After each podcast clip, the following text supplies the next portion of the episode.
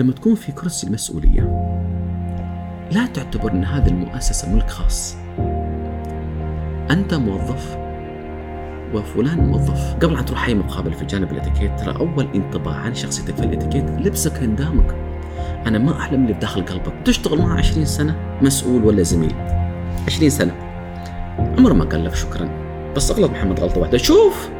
انت اللي ورطتنا انت اللي سويت. يقول لا هذا هذا الشخص المتقدم يتميز عن الآخر ببعض المهارات. هذا ترجحني في المقابلة؟ في رئيس تنفيذي يسأل يسأل واحد من المتقدمين. قال له شو طموحك في المستقبل؟ قال له طموحي كرسيك اللي جالس عليه. فلا تبالغ وتبين لهم إنك أنت يعني السوبرمان الذي سينقذ المؤسسة من مشاكل كثيرة. بعض الأحيان المبالغات تورطنا وبعض الأحيان التواضع المبالغ فيه يورطنا. نقول هذا مغرور. هذا أنا بقى أنت ما مطلوب تؤدب الناس. هذه إحنا مشكلتنا. إحنا لسنا بطاريات مضادة نقصف كل تصرف. هذا ما دورنا في الحياة. فإذا عندي واحد استعراضي أعطيه اهتمام مبالغ فيه. اهتمام وأبرزه وأخليه في الخطوط الأمامية. بغيت تذبحه خليه في الأرشيف يموت ما يشتغل لك. بودكاست بودكاست. جلسة كرك حوار مشترك بين الضيف والهناء. ركز معنا واستفيد يا الحبيب يا الحبيب. تابع معنا كل جديد بودكاست. بدون تصنع وتقليد. بودكاست بودكاست. لا لا لا لا لا لا. بودكاست بودكاست. لا لا لا لا لا لا لا. السلام عليكم حلقة جديدة من بودكاست جلسة كرك وهذه حلقة مع شخص جدا عزيز علي. شخص كان معنا في أحد الحلقات سابقا ومجددا نحن نتشرف في أنه يكون معنا واللي هو الأستاذ يوسف الحسني خبير في الإتيكيت والبروتوكول الدولي. أهلا وسهلا. يا هلا فيك أنا أتشرف أن أكون معاكم وللمرة الثانية في جلسة كرك. ما شاء الله هذا سمعتها. يعني أنا مثل ما قلت لك سابقا قلت يمكن تكفي الحلقة واحدة ولكن مواضيعكم متجددة تخليني أجي مرة ثانية والثالثة والرابعة. الله يخليك الله يخليك. أنا متأكد إن هذه الحلقة فيها مواضيع يعني لأول مرة تطرح لأول مرة تناقش وجدا مهمة. ويلها أيضا علاقة آه، وطيدة أو مباشرة بتخصصك. تقريبا بتكون هي كلها عن آه، إتيكيت العمل. ما قبل العمل اتيكيت وظيفه كيف تتعامل مع الشخصيات. ممتاز. فلو نبدأ بسؤال عام أو تعريف عام على أساس إنه للمشاهد اللي يشوف الحلقة اللي ما شاف اللقاء السابق أيضا اللقاء السابق راح نحط الرابط تحت في صندوق الوصف اللي يحب يرجع له مفهوم الإتيكيت. ممتاز. بسم الله الرحمن الرحيم والصلاة والسلام على أشرف المرسلين سيدنا محمد وعلى آله وصحبه أجمعين. مفهوم الإتيكيت أخي محمد ولكل من يتابعنا هو مفهوم الذوقيات. والأخلاق الرفيعة وأنك لعلى خلق عظيم. دائما إحنا هذا العالم الآن لا يقبل فقط الناجحين بل يقبل المتميزين. المتميزين حتى في السلوكيات. ما بس فقط متميز في شطارتي في المدرسة عندي مثلا مهارات معينة وإنما سلوكياتنا وأخلاقياتنا. أخوي محمد إحنا نؤمن إحنا كلنا سفراء. نمثل نفسنا وبيتنا ووطننا وديننا. يقول لك والله ما الشعب العماني طيب الشعب العماني طيب لنا السمة العامة. فنحن سفراء نمثل نفسنا. فالاتيكيت هي ذوقيات. وأخلاقيات راقية تكون مقبولة اجتماعيا وتتناسب مع الفطرة السليمة. فدائما تتميز في هي وتستغرب يعني حتى لو تلاحظ إن الاتيكيت أساسا هي تصرفات بسيطة جدا. يعني مثلا اليوم ما فرق مثلا أقول لك أخوي محمد إيش أقول لك أنت ممكن أقول لك حضرتك هي راحت كفة اليد والكلمة الكلمات ملكات القلوب تقول ما شاء الله لا ينتقي كلماته الجميلة. فالكلمات ملكات القلوب. فالاتيكيت هو عبارة عن ذوقيات وأخلاقيات تميزك في المجتمع وتخليك دائما خير سفير لدينك ولوطنك ولعائلتك ولنفسك الكريم وتجنبك الإحراجات. هذه بكل اختصار. زين نحن تركيزنا في هذه الحلقة راح يكون على إتيكيت آه، العمل أو في بيئة العمل. لو نبدأ بسؤال عام في هذا المحور اللي هو آه، إيش مفهوم الإتيكيت العمل؟ الآن نرجع لمسألة العمل. لماذا نتكلم عن إتيكيت بيئة العمل؟ وهذا أهمية حتى هذه الحلقة اللي نتكلم فيها. في الحياة الاجتماعية أو المنزلية مشكلتي مثلا مع أخواني مع زوجتي مع أولادي قد تكون محصورة. لكن الإتيكيت العمل أكثر رسمي أكثر التزاما أكثر مسؤولية لأن عواقبها أكبر. بمثالا اليوم أنا لو أكون في قطاع خاص خطأ مني يكبد الشركة خسائر معينة أو نتائج قد تكون سلبية. خطأي في مؤسسة حكومية قد يحضرني لمساءلة معينة. فاليوم أنت لما تكون في منظمة هذه الذوقيات لها أثر يكون إيجابي أو يكون سلبي هذا قراري أنا.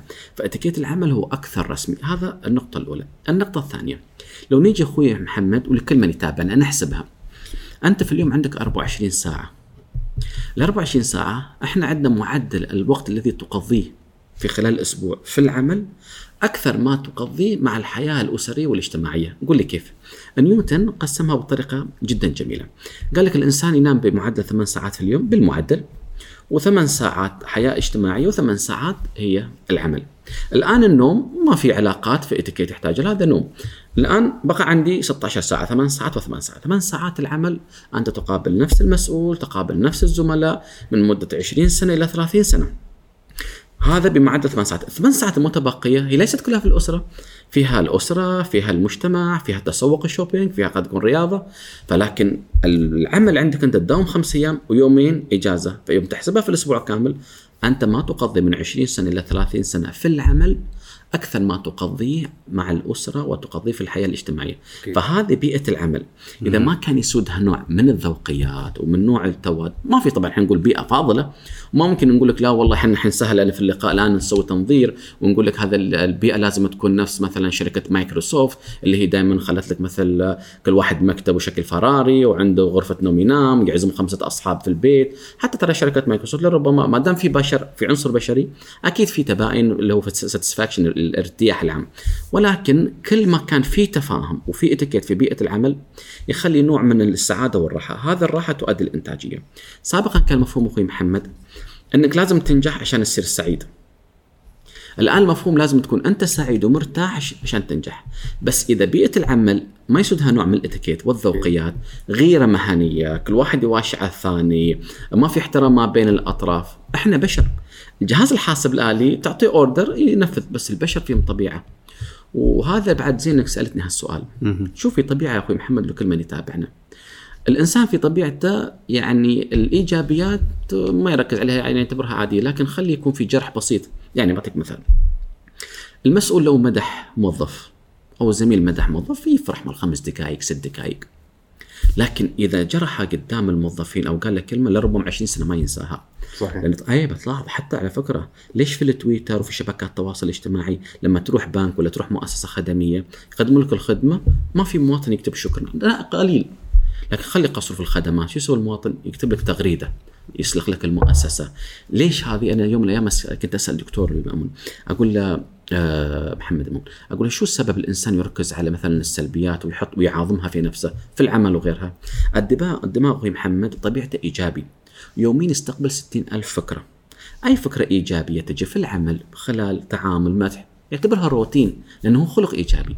بس أي معلومة تدخل سلبية جرح كلمة شيء لا يتناسب مع قيمي وإدراكي الدماغ يسوي عليها زوم تكبير ويكبرها ويعظمها. فتجد أن الموظف في أي تاتش مثلا أي خلاف أي كلمة انقطت في العمل أو مسؤول قال كلمة ولا زميل فهم أو صار شيء يعاظمها في نفسه لأن طبيعة الإنسان يركز على المواضيع التي لا تتناسب مع قيمه أكثر من الأشياء الروتينية، والله محمد برنامج جلسة كرك وايد جميل، تفرح خمس دقائق ست دقائق، لكن خلي واحد مثلا يهاجم وكذا تبدأ تفكر زيادة لأن هذا السبب، فاتيكيت بيئة العمل بما أنه إحنا نقضي بمعدل ثمان ساعات يوميا. لمدة خمس أيام مقابل يومين إجازة في من من مجال 20 إلى 30 سنة أنت تعمل معناته أنت تقضي السنوات وأوقات كثيرة في العمل. فإذا ما يسودها نوع من الإتيكيت والذوقيات نسبة عدم الرضا ترتفع ونسبة حتى الأمراض الجسدية والنفسية والنفسية تؤثر على الجسد والجسد تؤثر على النفس ويكون نوع إذا السعادة مش موجودة التميز والإبداع يقل في بيئة العمل. زين لو بغينا نرجع لما قبل بيئة العمل اللي هو المقابلات الوظيفية. ممتاز. هل في نوع معين من الاتيكيت للمقابلات الوظيفية؟ هذا بما أن الآن إحنا عندنا عدد كبير من باحثين العمل إخواني واخواتي خليني أنصحكم كذا نصيحة جدا مهمة راح تعينكم من جانب خبراتي اني كنت أشتغل كنت في مؤسسة خاصة وبعدين مؤسسة حكومية. التجهيز طبعا معظمهم أنا عارف كل من يتابعنا الآن أكيد قرأوا في الجوجل بحثوا جلسوا مع الناس. وفي بعض النقاط already مرت عليها منها لازم كيف يتجهز وكيف يقرا عن الشركة ويكون شاطر في المعلومات وكذا. لكن اللي بغيت أضيفه لكم إخواني وأخواتي التجهز في جانبين في جانب مظهري وفي جانب معلوماتي. أول مظهري إخواني قبل ان تروح أي مقابله في جانب الإتيكيت ترى أول انطباع عن شخصيتك في الإتيكيت لبسك هندامك أنا ما أحلم اللي في داخل قلبك. يعني اليوم إحنا طالبين موظف في علاقات عامة موظف في التسويق موظف في الاستقبال. طبيعي محمد أخوي لكل من يتابعنا إيش الميزات له؟ يكون شخص كشيخ لبسه حلو تنسيق المصر مع الدشداشة البنت شالتها مع عباتها مع وانت بكرامة حتى الحذاء الشنطة بشكل عام. أنا ما أقول طبعا لازم تلبس براندات حتى أحط لأن نتكلم عن ثقافة الاستهلاك اخوان واخوات لما أقول تكون كشيخ وتكون ما شاء الله صاحب ذوق ترى ما شرط تلبس براندات قد تكون تلبس دشداشة لبس يعني سعرها بسيط لكن نظيفة. فأول شيء الشكل ترى وايد يعطي انطباع. اليوم يعني أعطيك معلومة بس من باب الطرفة. تعرف إن مثلا النساء أول ما يطلع عليها الرجل أول شيء وأنت بكرام يركزن عليه تكرم حذاءه وحتى قدمه. نظيف ولا لا؟ أنت بس تخيل ها يعني يوم من الأيام واحدة من القصص تقول أنا رفضت زوج رفضت خطيب. جاني أول ما شفت وأنت بكرامة قدم. شوف شاب بسيط ما تركز. بس أنت رايح الدوام ما ملمع تكرم حذائك. يبين إنه ما في اهتمام على ال- ال- المظهر مالك. آه ما مشط شعرك ما متحلق عدل. فمن باب حتى الاوروبي والإنجليز وغيره هذا يقول لك لازم تلبس البدلة الجميلة. ذاك اليوم تكشخ فل كشخة لأنه يعطي الانطباع الارتياح الأولي. أعطيك مثال. تدخل فندق والمكيف ماله حلو والعطره حلو وحاط لك تفاح أخضر. أول انطباع حلو. هذا يساعدك بعدين إنك تحجز في الفندق. حتى لما يكون بعض الأحيان وأنت بكرم الكاربت الزولي يحط فيها عطر معين عشان يساعدك لأن الاتموسفير العام. هذا انطباع. الآن لما أنا أدخل لازم أعطي انطباع حلو. شكلي عطري. زين في الصيف لازم يكون عطر معين. راح نتكلم عنه إن شاء الله. في الشتاء عطر معين. فأول شيء الهندام يكون جدا جميل. الانطباع الأول. اثنين نصيحة لكم. أخواني الآن ما فقط فيها شهادات هذا من باب الإتيكيت. اليوم أنا سبحان الله اليوم حتى وصلني مقطع. رجل من دولة خليجية صرف على نفسه تقريبا 150 ألف ريال عماني. في دورات تدريبية 150 ألف. يقول اليوم أنصح طلبة يقول الحين وصل سعري سعري أنا وصل إني أتكلم في محاضرة واحدة 1200 ريال في يوم واحد سعره. المذيع يساله ليش؟ قال له لأن اليوم الناس تحتاج مهارات ما بس أنا اليوم مثلا خريج محاسبة. مثالا ورحت بقدم على وظيفة. هذه العلم لكن أنا أحتاج يكون عندي على الأقل مهارة أو مهارتين أو ثلاثة. اليوم المؤسسات تبحث عن مهارات. يعني أنا اليوم محاسبة أوكي ما هي المهارة؟ هي عبارة عن الأفكار والخبرات والقدرات الشخصية التي تمكنني من إنجاز عمل ما. هاي يسموها مهارة. الخبرة مع القدرات الشخصية المعرفة والخبرة والقدرات الشخصية في تحقيق أمر ما إنج- انجز عمل ما. اليوم أنا في المحاسبة لازم يكون عندي مهارات شخصية. ما هي المهارات؟ تخلي أن حتى اللي قابلني يقول لا هذا هذا الشخص المتقدم يتميز عن الآخر ببعض المهارات. هذا ترجحني في المقابلة؟ صح أنا محاسبة وزميلي محاسبة والطرف الثالث محاسبة ولكن مهارة مثل المهارات الشخصية. عندي مهارات مثلا القراءة السريعة والتصويرية. هذا يفيدني في قراءة العقود مثلا في عندي مثلا قراءة اللوائح. هذه عندي مهارة مثلا عندي مهارة اللي هو التفاوض مهارات التفاوض. عندي مثلا من مهارات اللي هي الذكاء العاطفي. عندي مهارة التحدث بلباقة عندي مهارة إن مثلا كيفية الإقناع عندي مهارات كذلك تقنية عندي مهارات البرمجة عندي مهارات التصوير عندي صح أنا محاسب لكن عندي مهارات مثلا عندي مهارة الإتيكيت والبروتوكول في استقبال كبار الشخصيات وفي مهارات الكاريزما والتأثير. اليوم ما يرجحك أخواني أخواتي اذا إحنا الآن فاضيين ما حصلنا على وظائف. في دورات أخوي محمد لكل ما تابعنا اخذكم مجانا. في دورات سعرها بسيط اقرأ اطلع. اليوم أنت لو متقدم لك واحد يتقن اللغة العربية. والثاني يتقن اللغة العربية واللغة الإنجليزية. والثالث يتقن اللغة العربية والإنجليزية والصينية. من بترجح أخوي محمد؟ اللي عنده ثلاث لغات طبيعي. بيسهل علي. لكن ما بقعد أنا أوظف اقعد صح اني باهل لكن هذا اوريدي فنصيحه لكم أخواني أخواتي من يتابعني لما تروح تتقدم على الأقل تمتلك عندك مهارات ترجح كفتك عن الآخرين. فهذا ما يميزك. ثلاثة لما تروح في المقابلات وصولك وقت كافي وتحضر دخولك في المقابلة وقوفك تحيي طبعا. الدخول طبعا هذا أشياء تفاصيل بسيطة. الدخول دائما من الجانب الشمال من الكرسي. دائما على أساس نتقدم باليمنى. ترى بعض الناس في ناس لميحة في الذوقيات. ما تجلس إلا من يأذن لك بالجلوس. جلستك من- طبعا متكتف اليد بهالطريقة فوق اليمين. وطبعا أوزع النظر للجميع. جاوب على قد السؤال واختار كلماتك. يعني بعطيك مثال.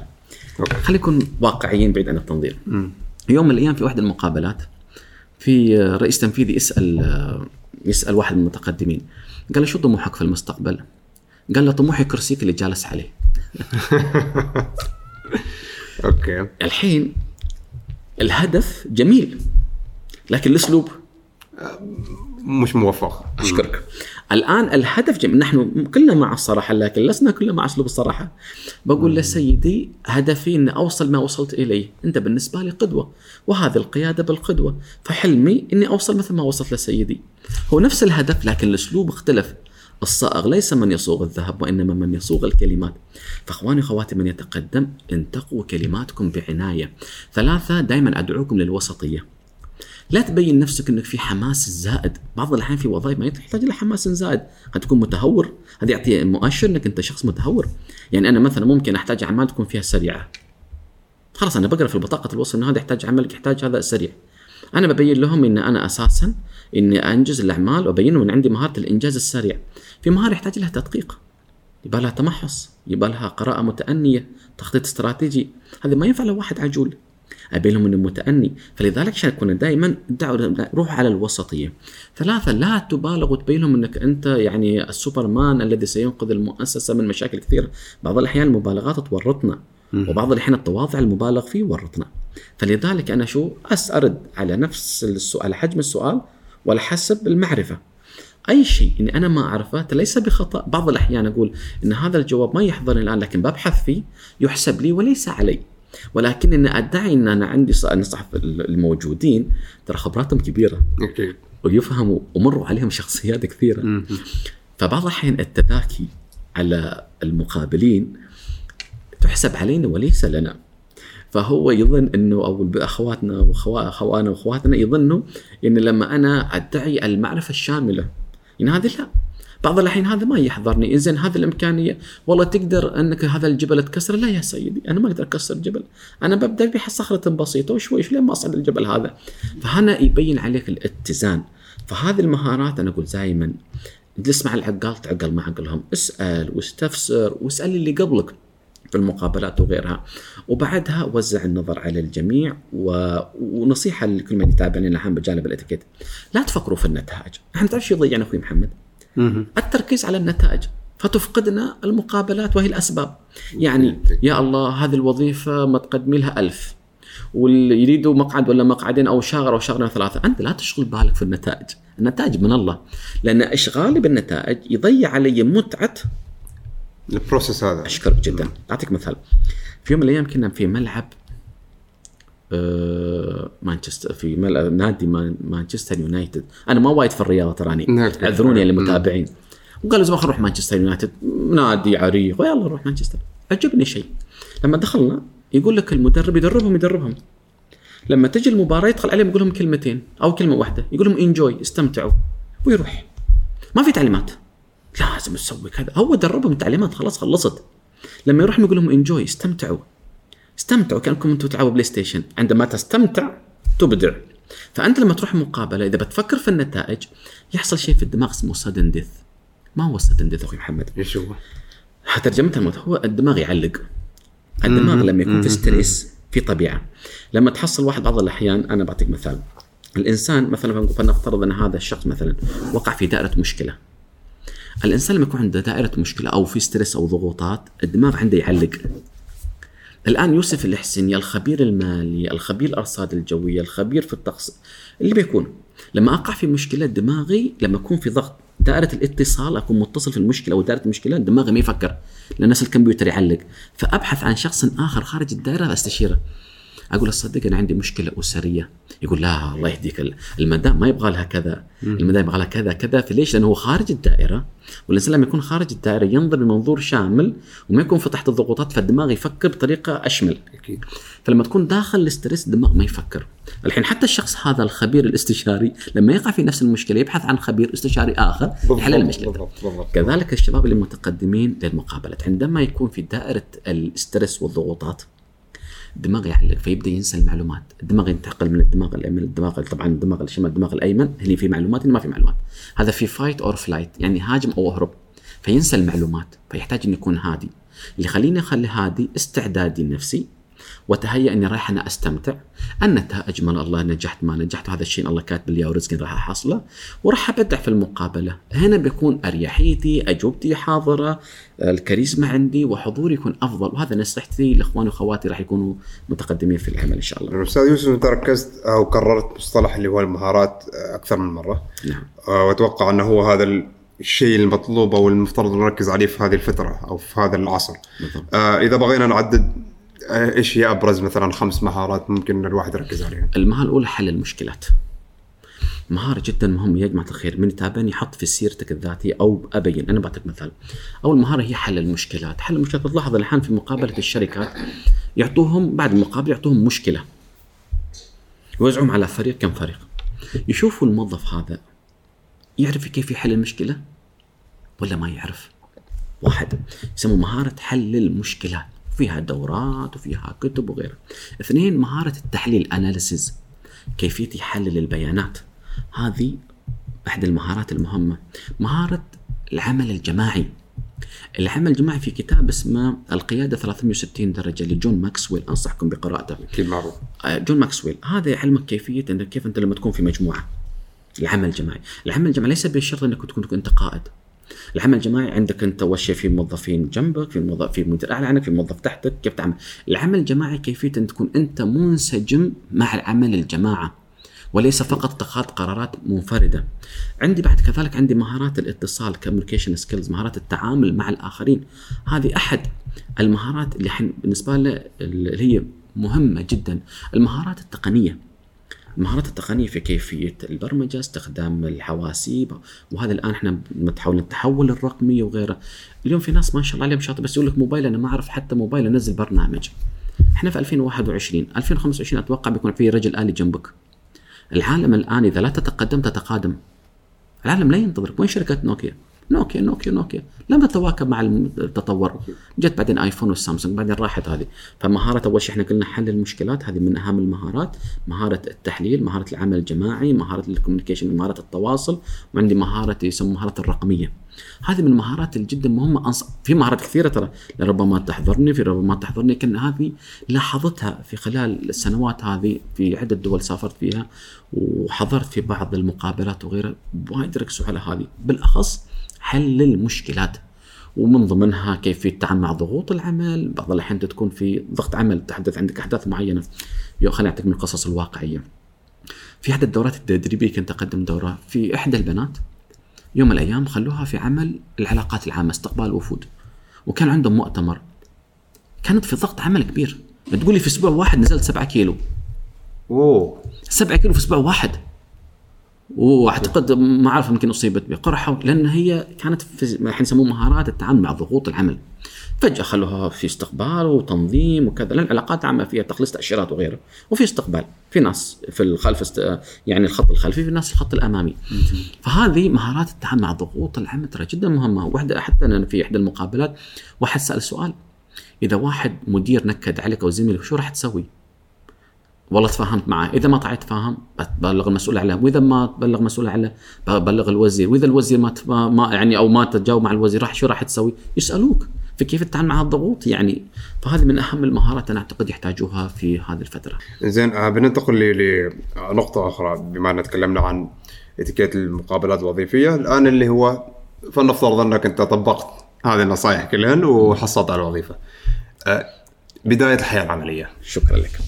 أخوي محمد أنا أقول يا ليت لو كنت هذا الكلام أعرفه في بداية حياتي. أنا من الناس اللي وقعت في أخطاء كثير وما زلت. يعني اليوم أنا معاك الآن وخبرتي تكيت في عشر سنوات وهذا. لكن ما زلت أخطأ.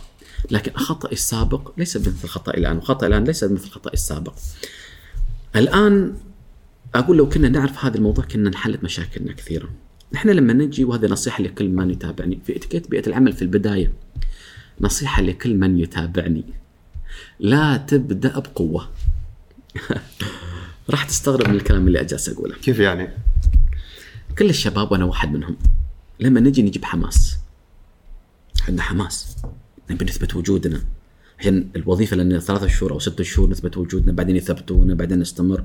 ونبي نقنع المسؤولين إن إحنا شطار وإحنا نستحق الوظيفة.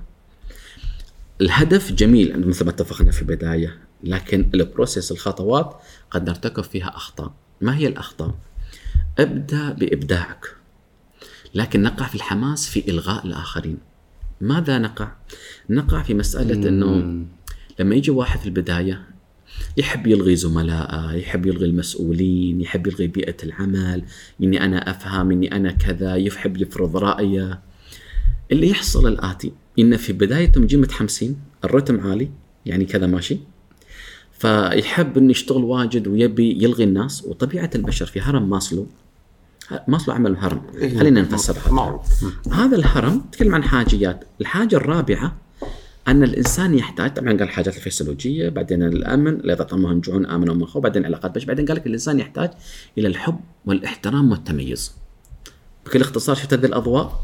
تكون عليه. يوسف الحسني 10 سنوات 15 سنة في مؤسسة ماكل الجو. وأنا اللي فاهم.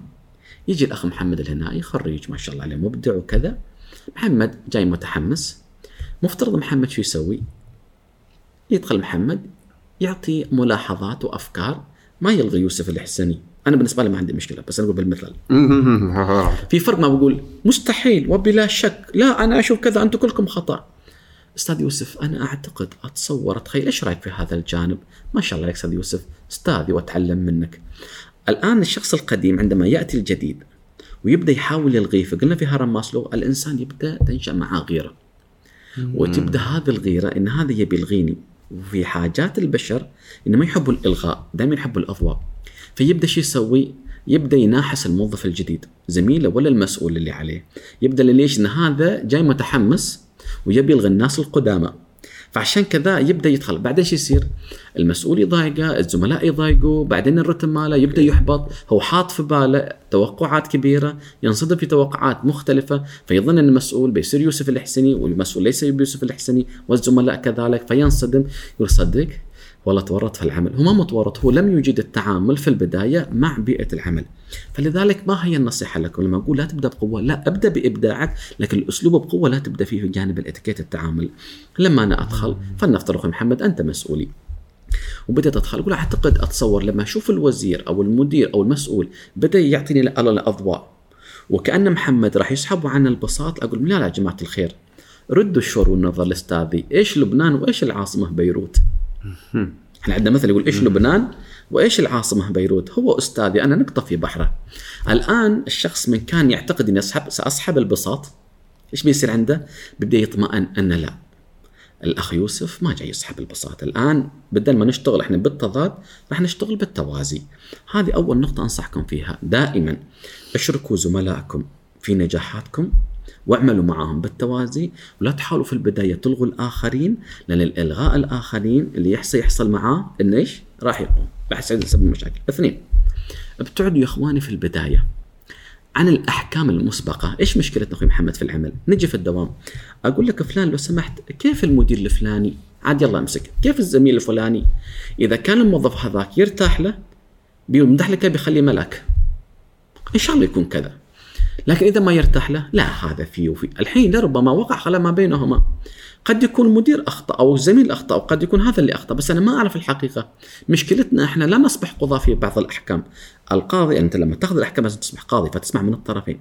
فإحنا نسأل فلان فيعطيني فكرة سيئة عن الطرف الآخر. أروح متغير عليه. أنت ليش تتغير عليه؟ أنت ما تعرفه. وأنا قلت في إحدى برامج 90% من اللي سمعت عنهم وفوق 90% من اللي سمعت عنهم كلام سيء.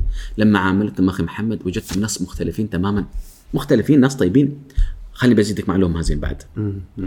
في ناس قد يكونوا هم سيئين فعليا. فعليا هم سيئين. بس أنا رايح لهم ما كنت أعرف عنهم. وأفترض بحسن الظن الناس طيبين. فلما أروح لهم أروح لهم بحفاوة. وعاملهم بطيب شفت هذول الناس السيئين يبدا يستحوا يصيروا ناس زينين.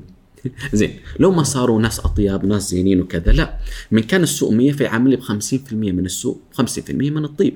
لأني أنا رايح من دون أحكام مسبقة فصدري واسع وليس صدري ضيق بحكم الأحكام المسبقة.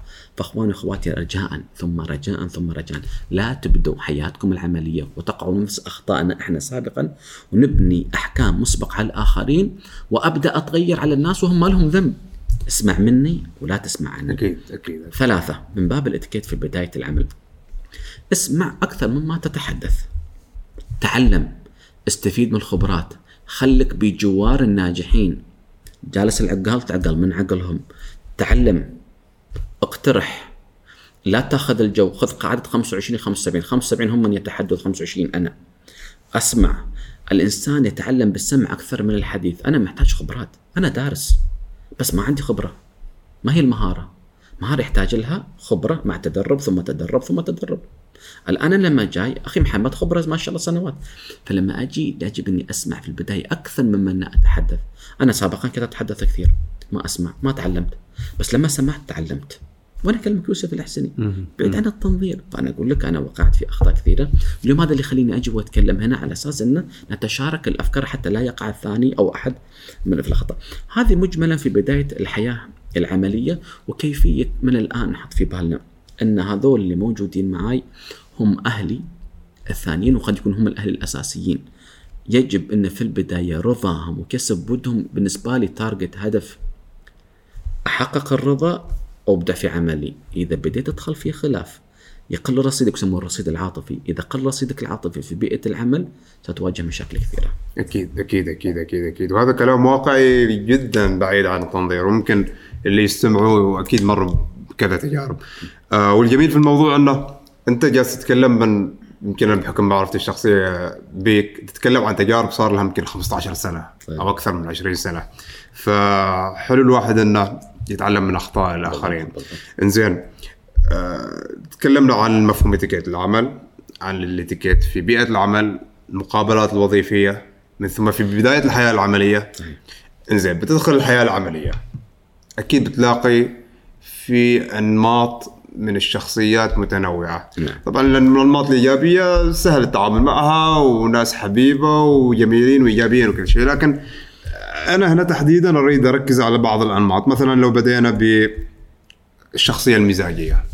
ممتاز. هذا إحنا نسميها مثلا شخصيات أو إحنا بنقول صعبة المراس أو شخصية قد تكون شوية يعني قد تكون تتعبنا. لما نتكلم عن مثلا إحنا نتكلم عن الشخصية النرج... المزاجية في البداية. أيوه أيوه المزاج من هو مثلا مزاج؟ تواجه شخص هذا مزاج. هذا. إيش سمات راح أقول لك إيش سماتهم كيف تتعامل معاهم. okay. وهذا زين وايد مهم نتابع حلقة جلسة كرك. المزاج يا أخي محمد إحنا بنقول نفس كذا البورصة. up and down up and down يعني الرتم ماله فوق عالي. يجيك الصباح يا هلا محمد يا هلا بشوف العوادي. كلام واجد جميل. الظهر معصب عليك. اليوم الثاني يحضنك ويبكي. اليوم الثالث موجه لك إنذار. يوم الرابع قد يصب لك سيارة. مزاجي هذا على فكرة هذا أطيب ناس في الدنيا. هذا نفس البورصه up and down أطيب ناس في الدنيا. هذول فيهم طبيعي يقول لك آه، شو محمد؟ بكرة الدوام الساعة 7 ونص. والله إذا ما جيت 7 ونص لبهذلك. يجيكم الثاني يقول لك تعال داوم الساعة 10 تا خربانه خربانة من الأول. مزاجي تحصل يضحك معاك بعدين يجي اتصال. يضحك يضحك بعدين يجي اتصال. تحصله يتغير. هذول ناس واجد طيبين للعلم. نصيحتي لكل من يشاهدني. أول شيء كمسؤول إذا عندك موظف مزاجي لا تعطيه مهام بعيده المدى. هذا يلعب على نفس قصير يسموه شورت تيرم إذا جاك مزاجه رايق هذاك اليوم مسكه خليه يشتغل يشتغل لك مع العشر سنوات. يشتغل لك شغل مع العشر سنوات. يقول لك مثلا أخوي محمد إيش رأيك خليني والله ببدع لك. امسكها هذاك اليوم. ما تضمنه بكرة. بكرة زوجته ضاربه النوى ولا البنك متصل فيه ولا شيء. هذاك امسكها نفس اليوم هذاك. قول له تعال. شغله هذاك هذاك اليوم يشتغل لك 10 سنوات. بكرة ما تضمنه. فاول شيء نعطيه مهام بعيده المدى. آه، قصيرة المدى وليس بعيده المدى. اثنين هذول يلعب معاهم كر وفر إذا شفت الرتم عالي عنده أنت فيكم وفيكم معصب مسؤولك مزاجي. أنت العب انسحاب قول له صحيح. اللي تشوفه سيدي اللي تامر عليه. يعني خليني أقول لك شيء محمد. إحنا في في كتاب اسمه الذكاء المشاعر للسعد الحمودي والدكتور أحمد عبد اللطيف. إحنا يوميا لازم نرتدي بمعدل 16 وجه. يعني لو سألتك سؤال قلت لك لو قال كنت بوجهين يعجبك ولا لا؟ معظم الناس يقول لك لا ما يعجبنا. أنا كيف أنا بوجهين؟ إحنا علميا نلبس نرتدي يوميا بمعدل 16 وجه.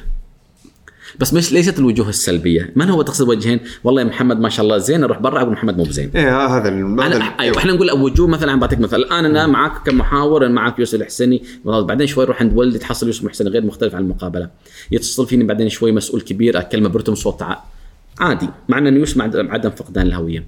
أنا لازم أحط في بالي إني مسؤولي زملائي في العمل ما مطلوب مني أغيرهم. لست عليهم بمسيطر. وأنت لا مش مطلوب منك أن تغير الناس. إن الله لا يغير ما بقوم حتى يغير ما بأنفسهم. أنا مطلوب مني كيف أتعامل معهم؟ فالمزاج أول شيء ما أعطي مهام بعيده المدى اثنين ألعب معاك كالرفر. إذا شفت الرتم عالي أنسحب. بعد ما يهدى قول لي يا أستاذ يا بالقلب الكبير. إحنا اولادك شو تامرنا عليه؟ من عيوني. يهدى يصير طيب وأنا جربته. فهذه الطريقة المناسبة في التعامل مع الشخص المزاجي. يعني كالرفر ما اعطاه مهام قصيرة المدى. زين هو انت حددت اللي هو سواء كان مسؤول أو كان موظف. طبعا. جميل جميل جميل. زين لو بغينا نتكلم عن مثلا الشخص الاستعراضي اللي يستعرض. هذا شخص هستيري استعراضي. هذا دائما يحب الشو أوف الاستعراض. يلبس ملابس ملونة يحب الكشخة لما يدخل على المكتب يا هلا أبو محمد يا هلا أبو سلطان شو أخباركم؟ وايد يحب الاستعراض. يسحب الأضواء يعني قصدك؟ يحب الاضواء ليش بس يحب الأضواء يحب يسوي كاتشنج إنك تشوفوني موجود. هذا ينفع علاقات عامة ينفع محاضر ينفع يكون استقبال ينفع تسويق. تقول له شو رأيك في جلسة كرك؟ أمي على جلسة كرك من أحسن الجلسات اللي في الدنيا. هذا استعراضي. هذا مناسب. هذا ليس بخطأ. ونحن نحتاج خدمة عملاء نحتاج استعراضي. الآن إذا عندنا واحد استعراضي شو نسوي فيه عشان يحبنا؟ هذا أعطيه دائما اهتمام مبالغ فيه. لما يوصل يا مرحبا أبو فلان يا هلا يا هلا. الإنسان مثل الأكسجين. إحنا عندنا مثل يقول أعطي المريض شهوته والمعافي يلا. شهوة المريض الصحة أعطيه معافي يلا. صدق لما تقول يا هلا أبو فلان تعطوه أضواء واهتمام؟ هذا عادي يروح يدفع عنك فواتير الكهرباء ومي. أعطيته. طبعا الأكسجين ماله هذا؟ ما وصل أبو محمد وصل يا إيش الكشخش هالزين؟ إيش رأيكم؟ إحنا واحد من الشباب يقول لي عندنا واحد موظف استعراضي أول ما جاء إيش رأيكم؟ طبعا لبس أحمر وأخضر وخواتم وكذا. ليس بصاد يكون خطأ بس هو كذا. إيش هالكشخة؟ يسوي لهم كابتشينو بعد نص ساعة يسوي لهم شاي عادي يروح يغسل سيارتهم ويرجعها لأنه هو يرتاح كذا فإذا عندي واحد استعراضي أعطيه اهتمام مبالغ فيه. اهتمام وأبرزه واخليه في الخطوط الأمامية. بغيت تذبحه خليه في الأرشيف يموت ما يشتغل لك. يعني شوف هذه بالرغم من إنك أنا حاطنها كنت أتوقع إن هي شخصية ممكن إنها تكون سلبية. هي إيجابية. لكن أيوة. بس إذا صارت زيادة يصير abnormal يعني خلاص abnormal يعني غير سوية. أه، تكون وايد مبالغ فيها. ترى على فكرة إحنا هذه السمات. لما تزيد يصير مثلا عندك جنون مثلا نقول إحنا النرجسي جنون العظمة. إحنا عندنا النرجسية قد تكون بسيطة. هي عزة النفس. في ناس تزعل النرجسيه دائما تحصل كذا وإحنا اللي عملنا وإحنا ما نصيف في عمان كله في لندن وفي باريس. هذا نرجسي الأنا الانا وحتى يكلمك بصيغة التفخيم. إحنا اللي عملنا. تقول من أنتم؟ هو يطلع أنا بروحه. هذا نرجسي. خلاص؟ مم. في ناس نرجسي بسيطة لعزة النفس. في ناس واجد. دائما تحصل يحد ملابسه بهالطريقه والجماعة اللي كلمناهم كذا فاهمني؟ هذا موجودين معانا في العمل في كل مكان. إحنا شو مشكلتنا؟ نقول هذا مغرور هذا أنا بقى أنت ما مطلوب تؤدب الناس. هذه إحنا مشكلتنا.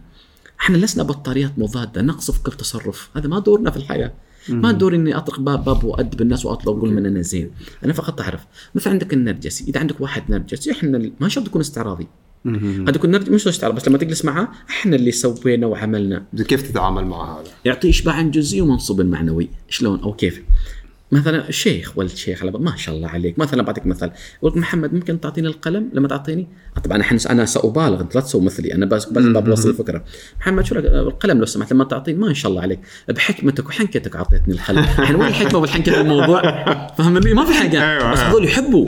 هذول فيهم طبيعة. ثلاثة ذكرون بتواضع الأنبياء. أربعة لا تعطيهم مناصب كبيرة. فيهم طبيعة النرجسي اللي عندهم هذا ال- ال- الأنا العالية يطؤون من تحتهم ويقبلون اقدام من فوقهم. سمة فيهم. هذا مستعد يسوي أي شيء عشان بس تكون صورته هو الموجودة. هذا مثلا ما شاء الله عليك بحكمتك وحنكتك قدرت الأمور.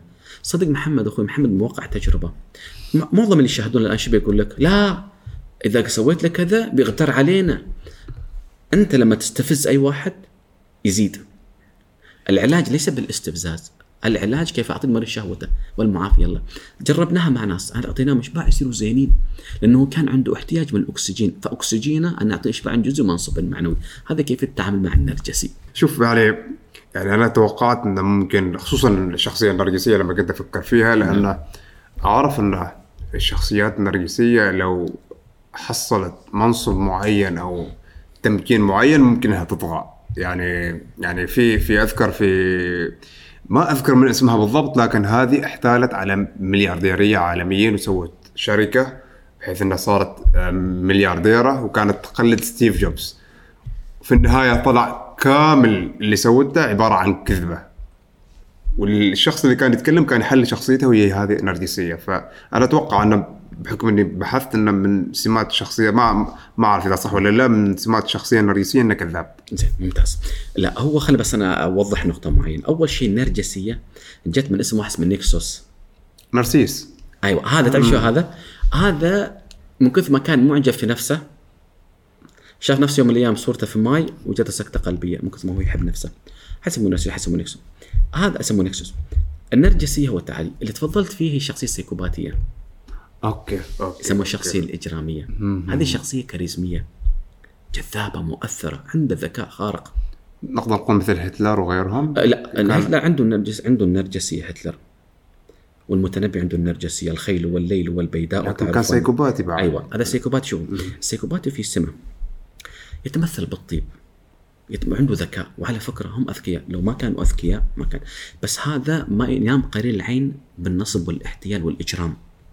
ونفسه غير لوامة. الشخصية السادية قد يكون عندها نفس لوامة. قد هذا خلال اطلاعي وقراءتي أنا من لست متخصص في الجانب النفسي وكذا ولكن خلال اطلاعي المتواضع مثل شخصك الكريم. مثل هؤلاء لما إحنا من من جانب الاتيكيت هو جانب تعاملي. لما نتعامل معناته نقرأ في بعض الموضوع الشخصيات أكيد، والسمات أكيد. وكذا. فالموضوع إن هذا السيكوباتي في طبيعته انه يتمثل بالطيب. والله يا محمد أنت رجال طيب ما شاء الله تعجب. وفي طبيعي يغدق عليك في العطاء في بداية العلاقات حتى في العمل. يغدق عليك ما شاء الله عليك يجيب لك هدايا. زاد عندك مولود يجيب لك مثلا ساعة رولكس. مثلا بعد شوي يقول لك ندخل business أو عندك مثلا عندك سلف 10 20 ريال يروح ما يرجع لنا آه، في طبيعة ما يهنا على باله لما يشوفوا اثنين متساويين في العمل يحب يفتن بينهم. يحب يمدحك بعدين يروح عند المسؤول بعدين شو يسوي؟ يقعد يفتن عليك. هذا طبيعته كذا. كيف تتعامل معه؟ الحين بتكلم هذا السيكوباتي من دون تنظير. بسوي حدود في التعامل مع اتخاذ الإجراءات القانونية. مرة. هذا يخاف من القانون. لأن هذا في طبيعة إذا دخلت معاه في مشادات ودخلت معاه في مشاكل سيؤذيك. هذا الأكسجين ماله إيذاء الآخرين والنصب والاحتيال وعنده نوع الكذب والفتنة. فعشان كذا لا تدخل معاه في تاتش وتدخل معاه في احتكاك وبعدين يسبب لك مشاكل. هذا متعب. وأنا صادفت وأنا من الناس اللي وقعت ضحية هؤلاء. واليوم في الحلقة لما أقول لك ما بس من قرات هذا عمل وهذا عمل ون- ونصب علي وصار في كذا. لين ما بديت أفهم الآن؟ خلاص. يعني أعطيك قصة سريعة يوم اليوم حصلت واحد في المطار. يا هلا مرحبا بهلا واحدة من الدول يعني. يا هلا بهلا عمان يا هلا وشفت كذا أخدمك بشيء. مرة من شفت حركاته كذا عرفت إنه من الجماعه من جماعة هذا. خذ رقم تليفوني وكذا وأنا اللي عملت وعندي علاقات مع فلان وفلان وفلان. آه والله عزمته قلت له خليني أدرس أنا وايد أقرأ وخليني أشوف. جلست معاه قالوا كذا بعد شو قال لي عندي business شو رايك ندخل مع بعض. قلت خاطر أنا لعبتي هذه. لعبتي. بس يبدأ حدود. في التعامل مع اتخاذ الإجراءات القانونية. جميل جميل جميل جميل. زين آه، في نمط آخر أو نوعية من الشخصيات أخرى اللي هو السلبي العدواني. السلبي العدوان إحنا نسميه الرادار. كيف يعني؟ هذا الرادار يوم من الأيام تسوق محمد إذا كنت منضبط يوم من الأيام في الرادار كافئك بشيء؟ لا طبعا. لا. بس إذا أخطأت لا طبعا. يصورك. أي- أكيد أكيد. إذا أخطأت صورك. إذا هذا بعض البشر تشتغل معه 20 سنة مسؤول ولا زميل. 20 سنة. عمره ما قال لك شكرا. بس أغلط محمد غلطة واحدة. شوف أنت اللي ورطتنا أنت اللي سويت. زين 20 سنة. أنا كنت يوم من الأيام أدرب إحدى الجهات. فقالوا لي إن إحنا وفي ناس تجوا يعني على أساس إن يحلوا لهم مسائلهم. قالوا إحنا جانا تقرير موظف ضعيف. كان كله درجات أو تقاريره زينة وجاء ضعيف. احدى من الجهات في دول الخليج.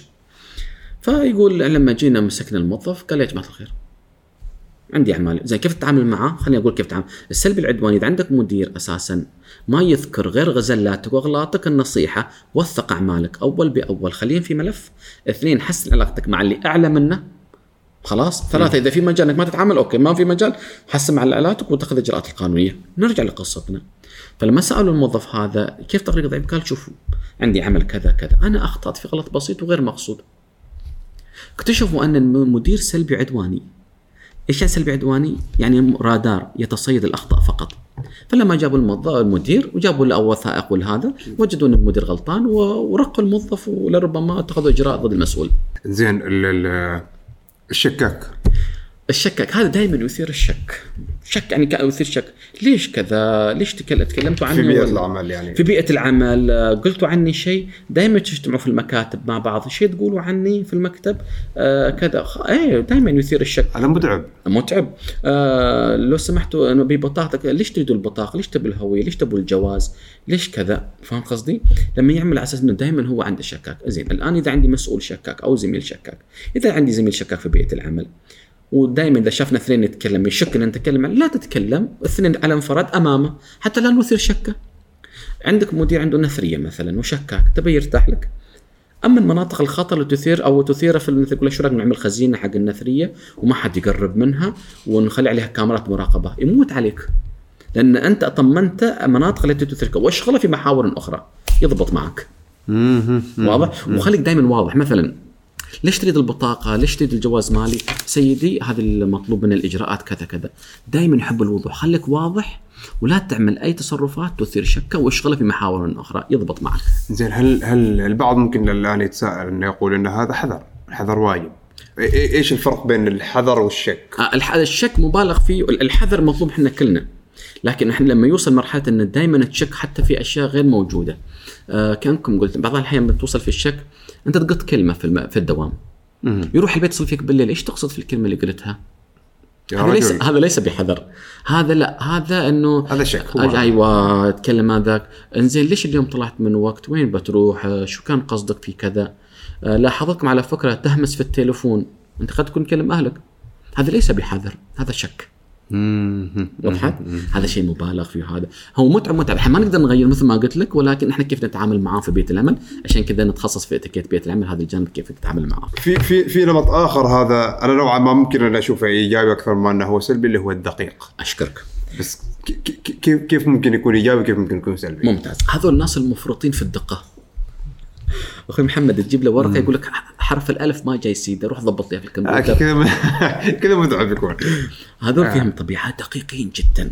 إذا حط القلم بهذه الطريقة إذا أنت حركته كذا تجي جلطة. أوكي. هذا الشخص إذا قال لك تعالي سبعة ونص إذا الساعة سبعة واحد وثلاثين ما وصلت يبدأ يهز رجوله ألو وينك محمد تأخرت؟ هذا دقيق. هذا ينفع تنظيم مؤتمرات تنظيم فعاليات يتابع لك الأمور. هذا بعد في طبيعة إني يجمع فواتير كهرباء وماء من 20 سنة ما يرميهن. شفت ذاك اللي عنده ملابس قديمة يسمون لك تنازل قهري. إيه. أي آه يعني مثل حضرته أنا هذا أنا أنا نفس من ضمن السمات هذه. دقيق جدا. يعني إذا قلت لي الساعة سبعة ونص لازم سبعة ونص. إذا كذا لازم كذا. خلاص أعمل برمجة. هذا ما يحب حد يلمس له أغراضه. أنا لاحظت حتى اليوم تجي قبل الوقت. قبل الوقت وشو الساعة كم والساعة كذا لأنك أنت ما شاء الله لك ذكي شخصك الكريم. كنت تتواصل معي تقول لي بنقول كذا في الساعة كذا محاورنا كذا شو رأيك في كذا؟ فكنت تعطيني فكنت تشبع احتياجي أنا.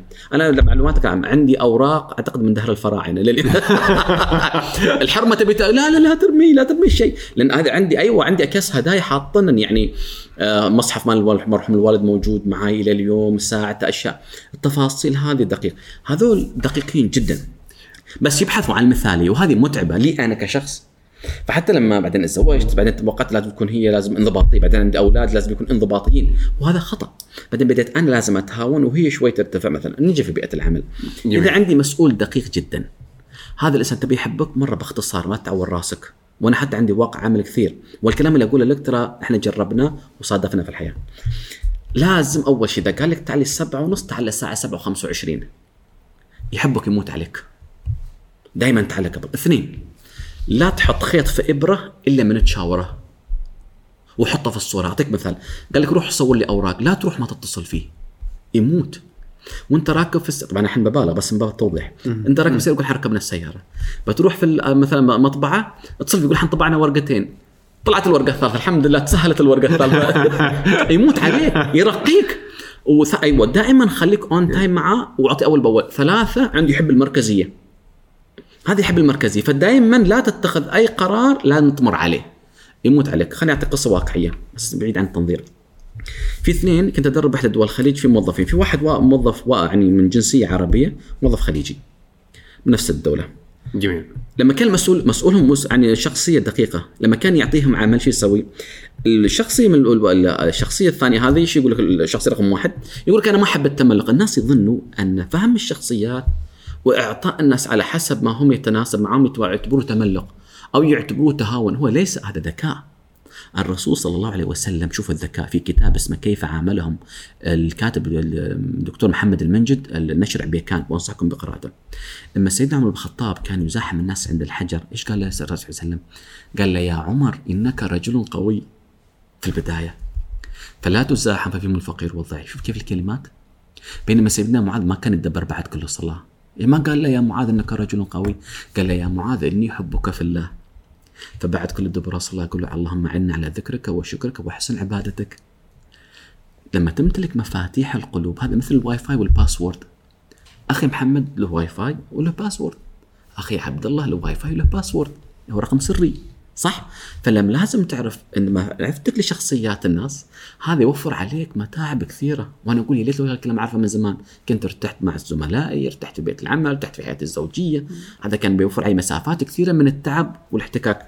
فالشخصية الدقيقة لما دائما خلينا نجي في الشخصية هذا. هو كان يعتبر إن لما أعطي المسؤول أول بأول الشخصية الدقيقة اللي يتكلم عن القصة في الدولة الخليجية. يعتبرها تملق. الثاني لا. يقول أنا مديري احتياجه كذا. خليني أريحه. ليس بخطأ وليس تملق. ما يكلفني شيء ما يكلفني شيء. ف 25% يقول إحنا وصلنا كذا نعدل. آه، 50% نعدل. وين ماشي؟ اخر رقوا هذا؟ ما رقوا الثاني اللي هو ما يخلي له ابديتد هو التحديثات في العمل. فسأل قال لا أنا شخص دقيق ولازم تحط أنت ما تجيني ما هي صح إنه قد يكون لكن معايير الناس والمدراء إحنا ما نقدر نقول لازم كل المدراء والمسؤولين في العالم يكون عندهم معيارية كذا. في في مؤسسات فيها معيار المسؤول مرتاح لك. ويفهمك ويعرف في حتى في ناس أصحاب بزنس خاص. يقول لك يا أخي أنا هذا الرجال لا عايبني لهلوب لهلوب يعني هبه هبة ريح نسميها بريح يعني أقول لك كذا مرة يفز بسرعة. زي ما ما دارس أنا ما بدارس. ابى لما أخلص لي إجراءاتي سريع. هذا ما شاء الله عليه من النوع اللي واجد دقيق. لما أعطيه عقد يفصله لي تفصيل. زين ما دارس هذا لا. فهو يبقى كذا. فأنا أعطيه بهذه الطريقة.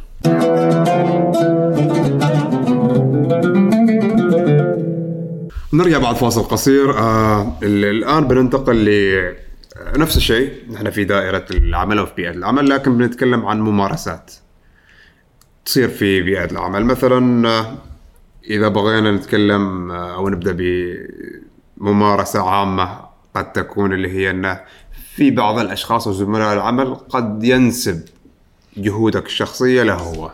فكيف تتعامل معه؟ ممتاز. بعض الأحيان هذه تحصل كثير. تحصل موظف يشتغل ويجتهد ويجي زميل ينسب نفسه لهذا العمل أو يقدم هذا الموظف العمل لمسؤول والمسؤول ياخذ العمل برمته كامل ويوديه للمسؤول اللي أكبر. هنا يضيع حق الموظف هذه، أول شيء خلينا نحدد المشكلة. لماذا يقوم هذا الموظف أو المسؤول بهذا العمل؟ إذا عرف السبب بطل العجب. okay وايد بيقول لك والله لأن هذا مسؤول كذا وهذا سيء. okay إحنا سيء ما سيء هذا جانب لكن إحنا لازم نبحث عن السبب السبب الرئيسي من خلال قراءتي في الكتب وخلال اطلاعي أو احتكاكي فيهم هذول يعانوا من مشكلة جوهرية ألا وهي قلة الثقة بالنفس. كيف يعني؟ أعطيك مثال. الشخص الواثق من نفسه اليوم أنا مثلا لاعب كرة قدم واثق من لعبي واثق من مهاراتي لصيت وغيره. يأتي لاعب ثاني. إذا أنا بالنسبة لي واثق ما عندي مشكلة يأتي منافس بالنسبة لي. ونلعب بالتوازي وكل وعندنا لعيبة. ميسي ورونالدو وعندك الواحد بطريقته وكل واحد باستراتيجيته وكذا ما عندك مشكلة. الواثق من نفسه لا يلغي الآخرين. يحتاج إن يكونوا في منافسين وغيره ويطلع. اللي ما واثق من نفسه شو يسوي؟ يأخذ أعمال الآخرين أو يأخذ عناصر أو عوامل خارجية حتى يعزز من ثقته من موقفه والموقف هذا يعزز من الثقة بالنفس. الآن الواثق من نفسه أنا تعاملت مع ناس أخوي محمد من كثر ما هو عنده ثقة بنفسه تقول له تعال أنا عندي عمل كذا. ما شرط تكون في مؤسسة حكومية وخاصة في أي عمل مثلا وتبي يقابل مسؤول. يقول لك تعال يمسكك من إيدك هو عارف لأنه من كثر ما هو متمكن في اختصاصه ومتمكن في عمله وفي إبداعه عارف إنه ما في شخص ثاني راح يلغيه. فلا يحتاج أن يأخذ أعمال إضافية أو أخرى حقوق آخرين حتى يكمل نقصا هو فيه. فيقول لك تعال وياخذك للمسؤول يقول ترى هذه فكرة محمد فكرة يوسف الحسني ويعرضها مثل ما كانت وكذا وبكل ثقة لأن إحنا عندنا بالنسبة لنا كل ما زادت الثقة تقل الحساسية. تقل الثقة ترتفع الحساسية، هذه مؤشرات. المسؤول أو الموظف اللي عند ما عنده ثقة بنفس كافية يأخذ هذه الأعمال ينسبها، اثنين تدخل فيها الاستعراضية. اللي تكلمنا عنها قبل شوي. خلاص زين، الاستعراضية تكلمنا عنها، الآن الثقة بالنفس بعطيك حل واجد يمكن لربما يستغربوا منه حتى من يشاهدنا. إذا وجدت شخص بهذه الطريقة وعلى فكرة بس خلينا أنوه على النقطه ترى ليست كل الحلول اللي راح نطرحها راح تنفع كل المدراء وتنفع كل الموظفين. هذا فيها معيارية ان فيها نسبة. قد تنفع مع شخص ما تنفع مع الطرف الآخر بتكون في استراتيجيات ثانية. الآن نجي في هذا المسؤول. المسؤول اللي هو ياخذ عملك ويرفع الآخرين معناته إنه عنده قلة ثقة بنفسه إنه مو مبدع.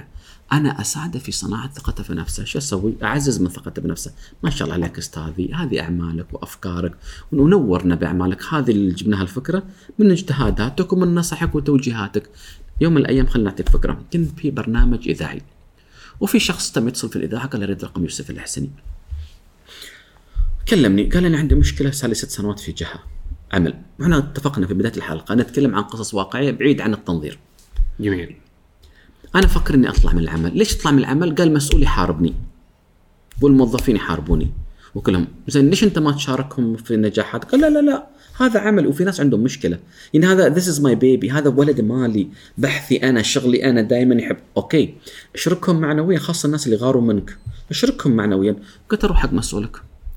قول أستاذي أنا قول صراحة أنا من دونك ما أسوى شيء أو ما ما أقدر أقدم هذا العمل. أسوى لكن ما أقدر إني أكمل بهذاك الابداع اللي بوجودك. ونصائحك وإرشاداتك وتعليماتك هذه هي الأمانة راح تضيف. لما أرفع التقرير للمسؤول بقول أمانة هذا بدعم من مديري. وروح حق زملائك لأنهم لربما يخافوا إنك تترقى وحسسهم أن الترقيات لهم والدراسة لهم لربما أنت حتى تستمر في العمل أو ما تستمر في العمل ما ممكن. يعني هذه احتماليات كذا. وأعطيهم الأضواء. تصدق ان بعد عشر أيام يكلمني الشخص هذا. يقول أن المدير بدأ يتعاون معاي والزملاء يتعاونوا معاي وبدأ يفتح له ميزانية وكذا. المدير أو غير أول ما تبدأ تعطيه الثقة وتحسسه أنه صاحب المكان وصاحب الفضل وصاحب التعليمات وصاحب كذا وإحنا أساسا قمنا على المجاملات الإتيكيت من دستور المجاملات المقبولة وليس التملق نفرق المجاملات المقبولة وكان الرسول صلى الله عليه وسلم كان عنده نوع معاب طعام قط معاب طعام قط يدخل في باب المجاملات. والمجاملات هي عبارة عن ما إحنا نقول إنه هو التودد للآخرين. أعطيه الثقة بنفسه وأبرزه. واعطيه شوية نوع من اللي هو تعطي الأضواء. هنا سيقلل من احتمالات انه ياخذ العمل عنك زين الآن سوينا هذه الاستراتيجيات ما نفعت. إلا بدأ ياخذ أعمالي وينسبها له هو نفسه. اتخذ الإجراءات القانونية. إحنا ما انت عندك موظف وعندك في مدير وفي عنده مسؤول أعلى. المسؤول الأعلى لا يلام. هو ما يعرف هو يحصل الحصيلة أو يحصل النتيجة النهائية. ما يعرف ان أساسا في تيم هو مفترض يقول له من اشتغل معاك؟ مفترض. لكن بعض الأحيان المسؤولين الكبار عندهم أعمال. ما يدخل في التفاصيل. هذا متخذ قرارات. فعشان كذا من الموظف من حقه. إنه يرفع آه، مثل شكوى يرفع التوضيح وغيره حتى يسترد حقوقه. أما مسألة بعدين المدير يعانده. وهذا هذه مسألة ثانية ثانية. إذا ما نفع معاه إني أعزز من ثقته بنفسه. المدير اللي سببت مشكلة إنه ينسب الأعمال لنفسه أتخذ الإجراءات اللي هي من النوع اللي أنا. أتخذ الإجراءات الرسمية والقانونية لاستعداد أو لاسترجاع حقي. وهذه الطريقة المثالية بغير عن بعيد عن التنظير وطريقة نطول المسألة كلها. زين هنا ننتقل ل هذه هذه نقطة جدا مهمة اللي هي آه، كيف تتقبل الاختلاف والخلاف في العمل. إحنا عندنا مشكلة أخوي محمد. إحنا لا ما نفرق ما بين الخلاف والاختلاف. بعطيك أنا مثال. تخيل ان في عندي موظفين واحد اسمه يوسف وواحد اسمه عبيد بالمثال. يوم من الأيام جالسين مع أحد المسؤولين. قلت له مثلا شو رأيك إحنا مثلا؟ سعادتك أو معاليك. نسوي الشارع في المنطقة الفلانية. وهذه المنطقة سيعزز من الحركة التجارية وغيرها يخدم كذا وكذا والمشروع يكلف مثلا 10 مليون أو 20 أو 100 مليون. فمثلا معالي أو سعاد تقول ما شاء الله يوسف الحسني إيش الأفكار النيرة؟ هذه فكرة يوسف الحسني. يأتي عبيد يقول معالي كان عنده وجهة نظر ثانية. بدل عن نسوي 20 مليون شارع شو رايك نسوي ب 10 مليون الآن؟ مرحلة أولى من الشارع هذا مرحلة أو مرحلة بالمبلغ المتبقي نسوي مركز صحي يخدم منطقة لأن الناس الآن يعني في حوادث لا قدر الله يروح المستشفى الفلاني. وعلى سنة على موازنة مثلا 2022 نسوي المرحلة الثانية يقول ما شاء الله عليك. هذه أفكارك يا عبيد أحسن عن أفكار يوسف الحسني. هنا تنشأ المشكلة. يوسف الحسني عندما يجد أن أفكاره لم تحظى بهذاك القبول إحنا مشكلتنا لا نتناقش بالأفكار والتناقش بالأفكار يسموها اختلاف. وجهات نظر. ابدا نغلط على عبيد لا يا معاليك هذا عبيد أساسا هو عنده كذا وكذا وهذا شايف نفسه. لا والله معاليك يوسف الحسين أس... ينشأ الخلاف. ينشا ينشأ الخلاف. فلا نفرق ما بين الاختلاف والخلاف. أنا يا إخواني دائما أقول إذا اختلفنا على نادي أو اختلفنا في مسألة عمل أنا قد يكون مثلا عندي في العمل كثير في اجتماعات ولا لجان نختلف في الأفكار. التباين والاختلاف في الأفكار هذه فكرة يابانية. أنت تعطيك دولار وذا يعطيك باوند وذا يعطيك ين. في شكل سلة عملات. إحنا لا. دائما نعتقد إن الأفكار هي إحنا. أعطيك مثال. محمد شو سيارتك؟ سيارتي كامري. والله الكامري مو بحلوة. يقول ما ينام يومين. فأنا أسأل أقول أنت كامري؟ أنت مكسيمه أنت كورولا؟ يقول لا. بس أنا اخترتها. هي أنت اخترتها بس ليست أنت. إحنا نظن أن أفكارنا هي كياننا الكامل. هي جزء مني قد تحتمل الصواب قد تحتمل الخطأ. فهي فكرة. عندما نقتنع ان في أفكار وفي أنا النقاش في الأفكار بس أنت بالنسبة لي حبيب وعزيز بالنسبة لي فلا اشخصن الأمور. فيا أخوانا أنا عندي وجهة نظر. ما هي وجهة نظرك كذا. ليش وجهة محمد؟ أنا أختلف معك. بارك الله فيك. لربما هي جميلة. لو إحنا بدينا نفرق ما بين الاختلاف والخلاف كنا أساسا طلعنا من شخص. بعض الأحيان في العمل نتخذ قد لربما قرارات فقط لإثبات الذات. بس على أساس إنه ما ما يطيح وجهي أما وأنا سبحان الله هذه قاعدة اتخذتها في حياتي. أطرح فكرة أقول أنا عندي وجهة نظر يا, يا أخي نيوتن إينشتاين كان يقول نتوقع حتى في طرحهم للتنظيف النظريات الفرضيات والنظريات نتوقع كذا. فالتوقع إحنا لا كل أفكارنا نجزم. أنت ما انت هذه هذه أمور حياتية اجتماعية فلسفية. قابلة إنها للتعديل وقابلة للتطوير. أكيد. المركزية واللامركزيه في علوم الاداره قالت لك المركزية هي كانت مناسبة. بعد سنوات أثبتت اللامركزيه هذه علوم تتغير وأفكار تتغير. ما في شيء ما في المسلمات إنه في الدنيا في شمس وقمر. هذه مسلمات. ما نقدر نناقشك فيها. عدم إدراك للموضوع لا ينفي القانون. هذاك اللي ما يدركها من المسلمات هذا لربما عنده تغيب البصيرة. لكن أنا بالنسبة لي وجهة نظري لكل من يشاهدني أي فكرة ستطرحها في العمل يا سيدي هي ليست من المسلماتكم 100% هي قابلة للنقاش وقابلة للتطبيق وقابلة للتعديل. فلا تفرضها على الناس فرضا تام. فأنا لما تطرح أي فكرة ولم تجد القبول الله يخليك هي فكرة عامة وليست أنت. لا تنسبها لا تلبسها كرداء. إذا لبستها كرداء سيحصل معك سدن ديث اللي تكلمناه في بداية اللقاء وتبدأ تعلق وتبدأ تهاجم الناس. وسامحني خليني بس أعطيك فكرة على السريع. في في كتاب في كتاب لمارك آه، جولست آه، في مارك آه، أعتقد في كتاب اسمه فقط أنصت لمارك جولستون. أعتقد اسمه مارك جولستون بس أتأكد منه. يقول لك أن الإنسان في طبيعة الإنسان في ثلاث أمخاخ. في انتقال في الشعور تم الطبقة العليا بعدين عندك أنت يسموها الثدييات بعدين الزواحف. الإنسان في الطبقة العليا دائما منطقي مثل جلستنا اليوم إحنا كذا. بعدين لما يستفزوه في اجتماع يبدأ شوي قلبه يرقل فينتقل إلى ثديات لا تسبوا لا ما أدري إيش كذا ينفعل. بعدين لما شوي يستفزوه الدماغ ينتقل إلى الزواحف اللي هو العدائيه قد يمكن يضرب الطاولة يبدأ كذا ماذا وصلنا لهذه الطريقة؟ طريقة التفكير في شيء اسمه نموذج مرسيدس. ما هو نموذج مرسيدس؟ هي عبارة عن أفكار مشاعر سلوك. جلستك اليوم هي تغيير أفكار وقناعات أو تأثير عليها أو حوار الأفكار حتى تتغير مشاعرنا. التغير في المشاعر تؤدي إلى تغير في السلوك. سابقا كان أنا بالنسبة لما كان يقولوا لي والله يوسف إحنا نختلف معك كنت أظن يختلفوا معي أنا. بس عندما بديت أغير أفكاري أن الاختلاف هي وجهة نظر الثوب اللي لابس انه هذا ما دائما صح قد يكون ثوب خطأ. هذا ثوب ليس أنا. أنا يوسف الحسين ذو تاريخ عظيم. ثوبي قد يكون صح خطأ. هذا الساعة اللي لابسه قد أكون صح في اختياري قد يكون خطأ. فليست أنت. فيا إخواني لكل من يشاهدني لا تتمسك بآرائك وكانها هي أنت. اليوم ولدك ولدك اللي تربيه دكتور إبراهيم الخليفي يقول ولدك ليس أنت. ولدك ظنك كيف ليس أنت؟ أنت تربيه وتبذل جهدك فيه. أنت تربيه وتبذل جهد فيه. قد يكون هذا الولد يطلع شخص ما شاء الله عليه وقد يطلع منحرف. لست عليهم بمسيطر مثل والد سيدنا نوح. فعشان كذا يا إخواني لا تبدأ تحول الاختلاف إلى خلاف وتبدأ تخسر علاقاتك. أطرح وجهة النظر أكثر من كذا ما مطلوب منك. فلا تسلك درب طويل في تحديات كثيرة. زين آه هنا في سؤال له علاقة بالنقطة اللي قبلها اللي هو أن آه، كيف تتعامل مع المسؤول اللي ما يتقبل النقاش؟ المسؤول اللي يعتبر انه أفكاره وقناعاته وقراراته هي شيء مسلم فيه. ممتاز. يعني إحنا في أنا في احد المقاطع سجلت فيها تقول في قاعدة عند البعض يقول لك إما أن تكون معي أو سأعتبرك ضدي. لازم تكون معي يعني تحصل علاقته واجد زينة معك في اجتماع شيء اختلفت معه يشخصنها يعتبر إن هذا موضوع شخصي ويبدأ يحاربك بشتى أنواع السبل. هذا هذا البعض. خليني أكون معك صريح. هذا أول شيء خلينا نوجه رسالة للموظفين. لا تدخل أو لا تحتك في مسؤول بطريقة قاسية. كيف يعني؟ بمعنى طرح مسؤول وجهة نظر في اجتماع. الآن برستيج المسؤول المدير أي كان مدير عام أو كان وكيل أو وزير له برستيج وله مكانة. ونظرة الناس له نظرة كبيرة. الآن لما يدخل الموظف يقول لك أنا إنسان صريح أعطي في الوجه. وهذه مشكلة في دبلوماسية التعامل. وهذه خطأ من الموظف وليس المسؤول. أنزل الناس منازلهم يعني الناس حتتوقع مننا في هذه الحلقة دائما إحنا بنهاجم المسؤولين. في خطأ يقع على عاتق الموظفين. يما لا تزعلوا علينا. ترى قبل يعني انزال الناس منازلهم هذا من عاداتنا ومن ديننا ومن أخلاقياتنا.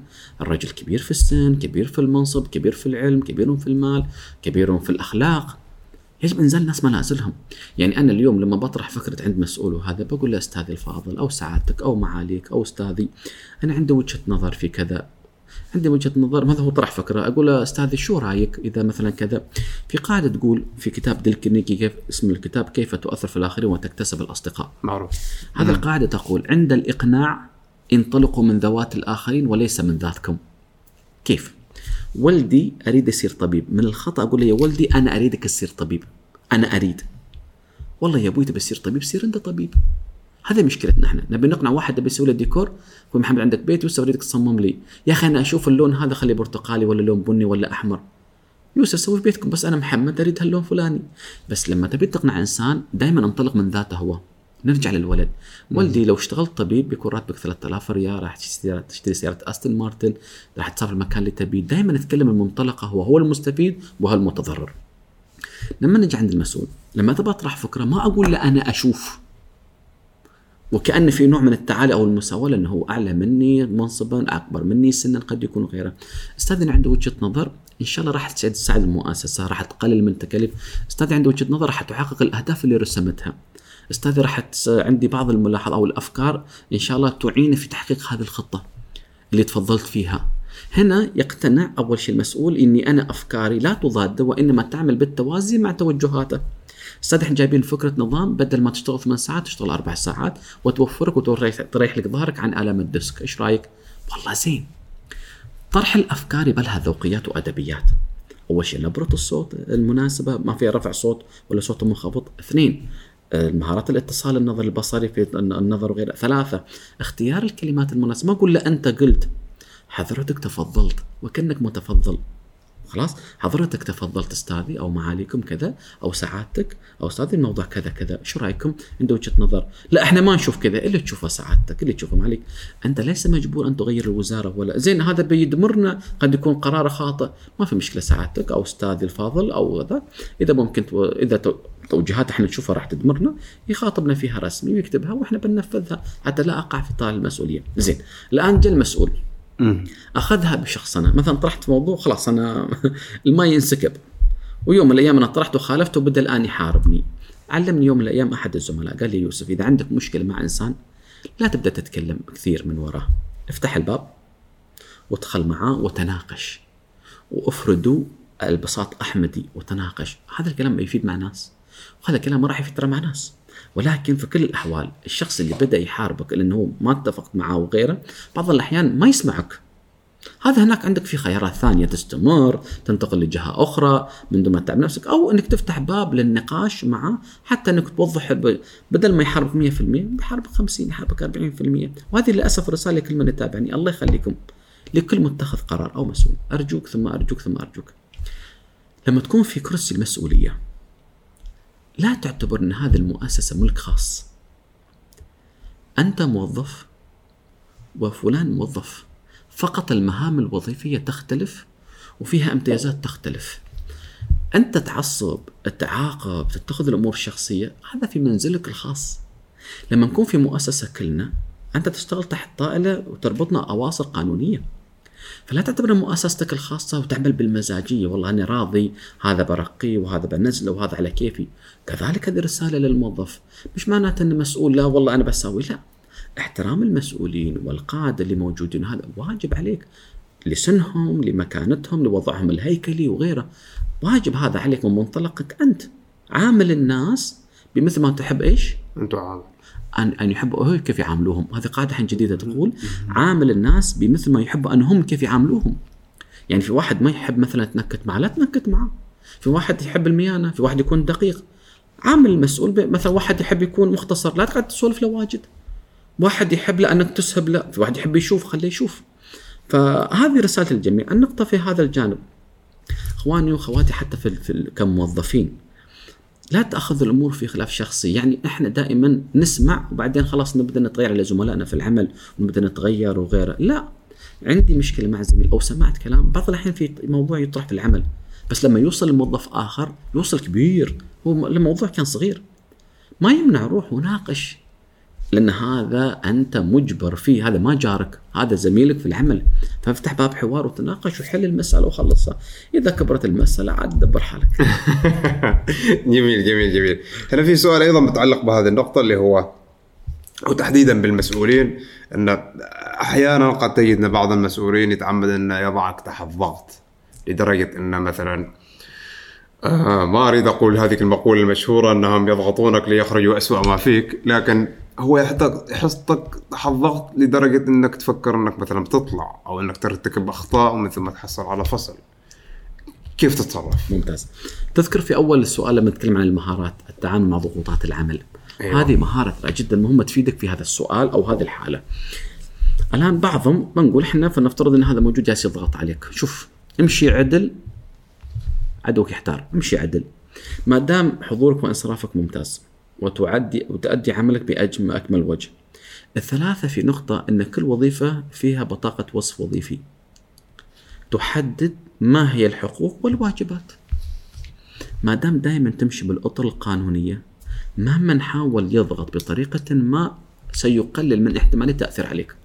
اثنين لا تكون لينا فتعصر ولا شديدا فتكسر صلبا فتكسر. دائما خليك متوسط. أربعة اللي أقصد فيها. أنه في هذه الحالة في موضوع الموظفين لما تجد هذه الضغوطات من مسؤول أول نصيحة أنصحك فيها افتح باب حوار نفس النقطة الأولانية إيش بخاطرك؟ إيش تأمرنا عليه؟ أنا تحت أمرك، في شيء مضايقنك وغيره. إن استجاب كان بها. إن لم يستجب ممكن أروح للخطوة اللي بعدها إني أروح أبلغ أو إني أروح أشتكي أو إني أروح أحكم طرف آخر أو أعلى منه حتى لا أتضرر. في طرق أخرى أني أنتقل إلى قسم آخر. ولكن إن يضغط اسوء وإني أطلع وبعض الأحيان يصير فيهم. تذكر ما قلنا الطبقة العليا والثدييات والزواحف. إحنا بالنسبة لنا دائما لما نكون في طريقة نظر أشمل وأوسع وعندنا تها- مهارات التعامل مع ضغوطات العمل. دائما نكون في الطبقة العليا ما بروح والثدييات والزواحف بحيث إني اني أعتدي عليه. بعض الموظفين إيش يسوي؟ مع الضغوطات يقوم يعتدي على المدير أو يقوم يغلط عليه أو يقوم يسوي. من كانت القضية له وهي قضية عادلة تحصل قضية تصبح قضية خاسرة أو خسرها. فلذلك هذه أنصح دائما إنه لما يكون مهما كان ضغط دائما تسلح. إن يكون عملك ذو كفاءة إن يكون أنت ماشي عدل وإن عملك هذاك مهما حاول يأثر عليك ما راح يقدر يأثر. وأوريدي أنا أعرف قضايا كثيرة إنه حاولوا إنه يضروا مثلا موظف أو لغيره. وأعتقد إن الجهات ال- القضائية رجعت لهم حقوقهم ورجع رجعت الأمور لمجاريها. ثاني شيء هذا نصيحة لكل من يسمعني. تحسبونه هين وهو عند الله عظيم. يعني لو غابت لو غبت عن عدالة الأرض لن تغيب عن عدالة السماوات، هذا القلم. انتبه في التوقيع. أو اللي تكتبه، أي شيء تكتبه ستحاسب عليه يوم القيامة. أي قرار تتوقع وتتخذه ستحاسب عليه، والله إني لا أحسدك على هذا المكان بقد ما أدعي لك إنه بالرحمة إنك تكون في هذا الموقع، فهو موقع التكليف وليس التشريف. وأي قرار تتخذه اسمع أول شيء تمحص وأقرأ واستفسر وغيرها بعد أن تتخذ القرار. والقرارات كذلك ممكن تتعدل إذا كان أساسا فيها ضرر على الموظف ولا غيره. بس أنا ما دائما حنخصص هذه الحلقة إنه يكون دائما على انه فقط المسؤول مسؤول مسؤول. بعض الأحيان المسؤول يقع ما بين المطرقة والسندان قرارات أو قوانين من الجهة العليا وعندهم موظفين. بعض الأحيان هو منفذ القرارات.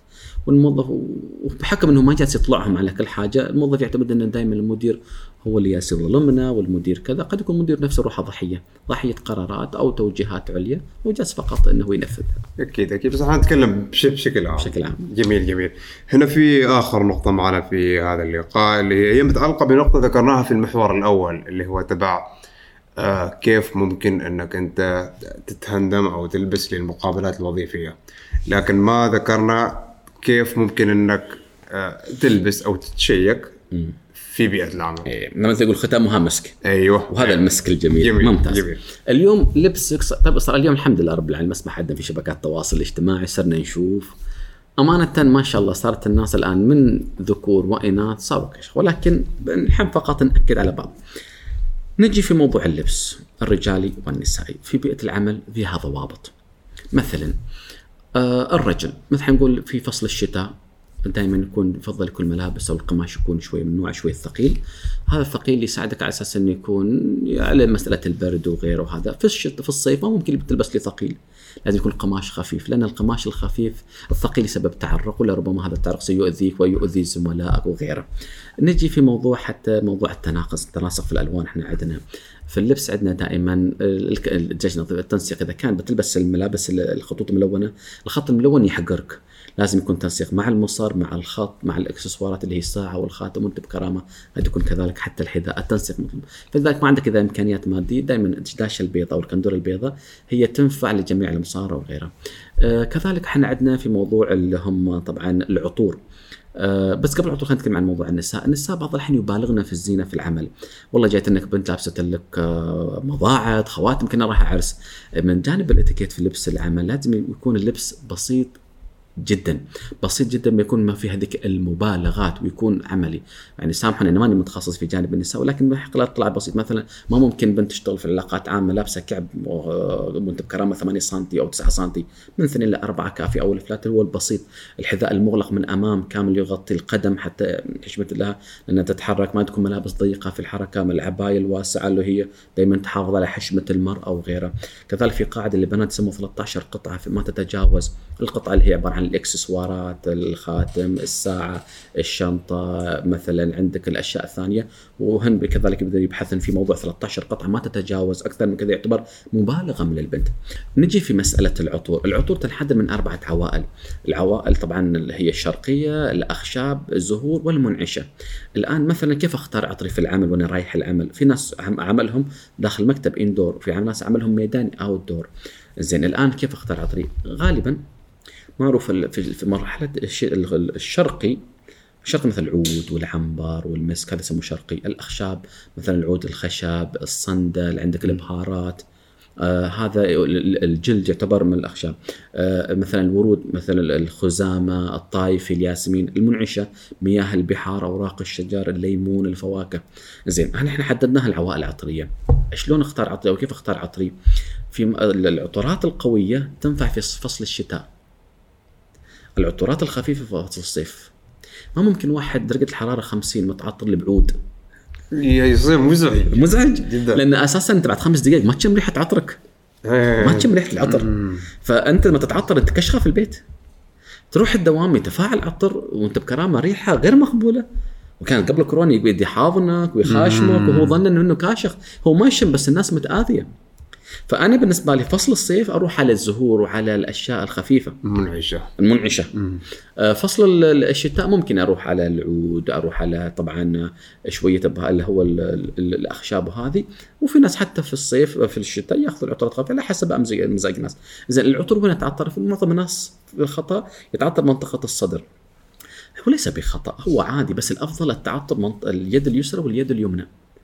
لماذا؟ لأن في غدد عرقية في غدد في الإبط وفي الصدر فتتفاعل فيها العطور. فالأفضل الإنسان لما يتعطر يتعطر في الذراع الأيسر والذراع الأيمن أقصد فيها اللي هو البخاخ السبراي أما السائل ال liquid اللي طبعا هنا في القلب وهنا هذا بالنسبة لنا.